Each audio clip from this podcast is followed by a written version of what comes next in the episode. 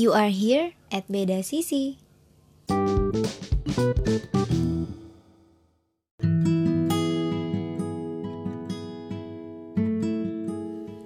Di podcast ini, gue bakal mengulas berbagai true experience, baik pribadi ataupun orang lain, di mana pengalaman itu akan kita bahas dari sisi yang berbeda, karena dunia ini gak cuma lu doang.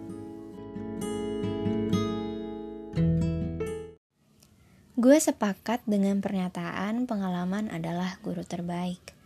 Karena dari pengalaman, kita bisa belajar dan menemukan hal baru dengan cara yang berbeda dan tentunya dengan versi kita sendiri. Gua selama 9 tahun dibesarkan oleh keluarga yang bisa dibilang agamis. Mulai dari sekolah, lingkungan, pergaulan, dan dan lain-lain. Di 9 tahun itu gue ngerasa gue udah fix nyaman banget dengan jalan hidup gue yang padahal pada saat itu gue masih gak paham gue mau jadi seperti apa, mau jadi yang kayak gimana. Ya masih polos-polos anak SMP gitu. Masuk SMA, gue mulai mengenal kisah klasik remaja. Ya mulai dari pacaran, nyontek, dan lain-lain. Dan masa SMA ini merupakan masa peralihan yang kontras banget. Dari sekolah gue yang awalnya disiplin, tiba-tiba santai kayak gini ya otomatis gue terpengaruh dong. Di situ otak gue cuma pikirannya main dan main aja. Tapi di situ gue masih nggak kepikir tuh tentang siapa sih gue dan gue mau jadi apa. Ternyata gue dari zaman SMP yang penuh dengan kedisiplinan itu secara tidak langsung mereka sedang membentuk gue menjadi pribadi yang normal, pribadi yang benar versi mereka. Dan di sana juga gue mulai banyak dicekoki pemahaman-pemahaman bahwa yang salah menurut mereka harus salah juga menurut gue. Tapi ketika gue bawa aturan ini ke zaman sekarang, gak sedikit tuh dampak-dampak yang justru menimbulkan perpecahan.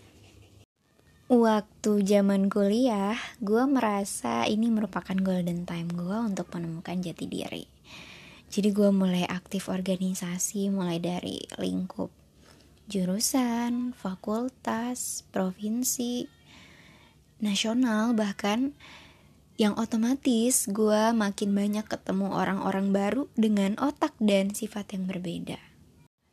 Dan gue ngerasa makin tinggi jabatan gue di organisasi, makin luas juga problemnya, makin ribet juga solusinya, dan makin lama juga penyelesaiannya. Karena apa?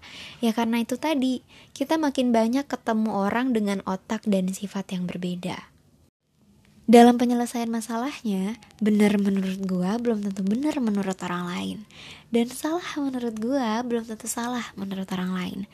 Karena organisasi adalah wadah bermusyawarah untuk mencapai mufakat kan bukan dengan adu otot dan adu mulut kan? Nah di situlah gue paham tentang hey dunia ini gak cuma lu doang. Lu siapa menetapkan benar dan salah normal dan tidak normal lu siapa? Di dunia ini yang punya otak gak cuma lu doang. Kecuali kalau orang itu lu bayar lu gaji sehingga lu punya hak untuk memberikan instruksi sama orang tersebut dan prinsip inilah yang gue junjung sampai sekarang untuk menghargai orang lain.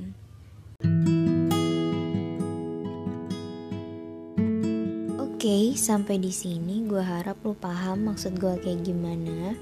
Dan kalau lu setuju, silakan share podcast ini biar orang-orang yang merasa paling benar merasa tersindir dan biar mereka tahu bahwa dunia ini gak cuma lu doang.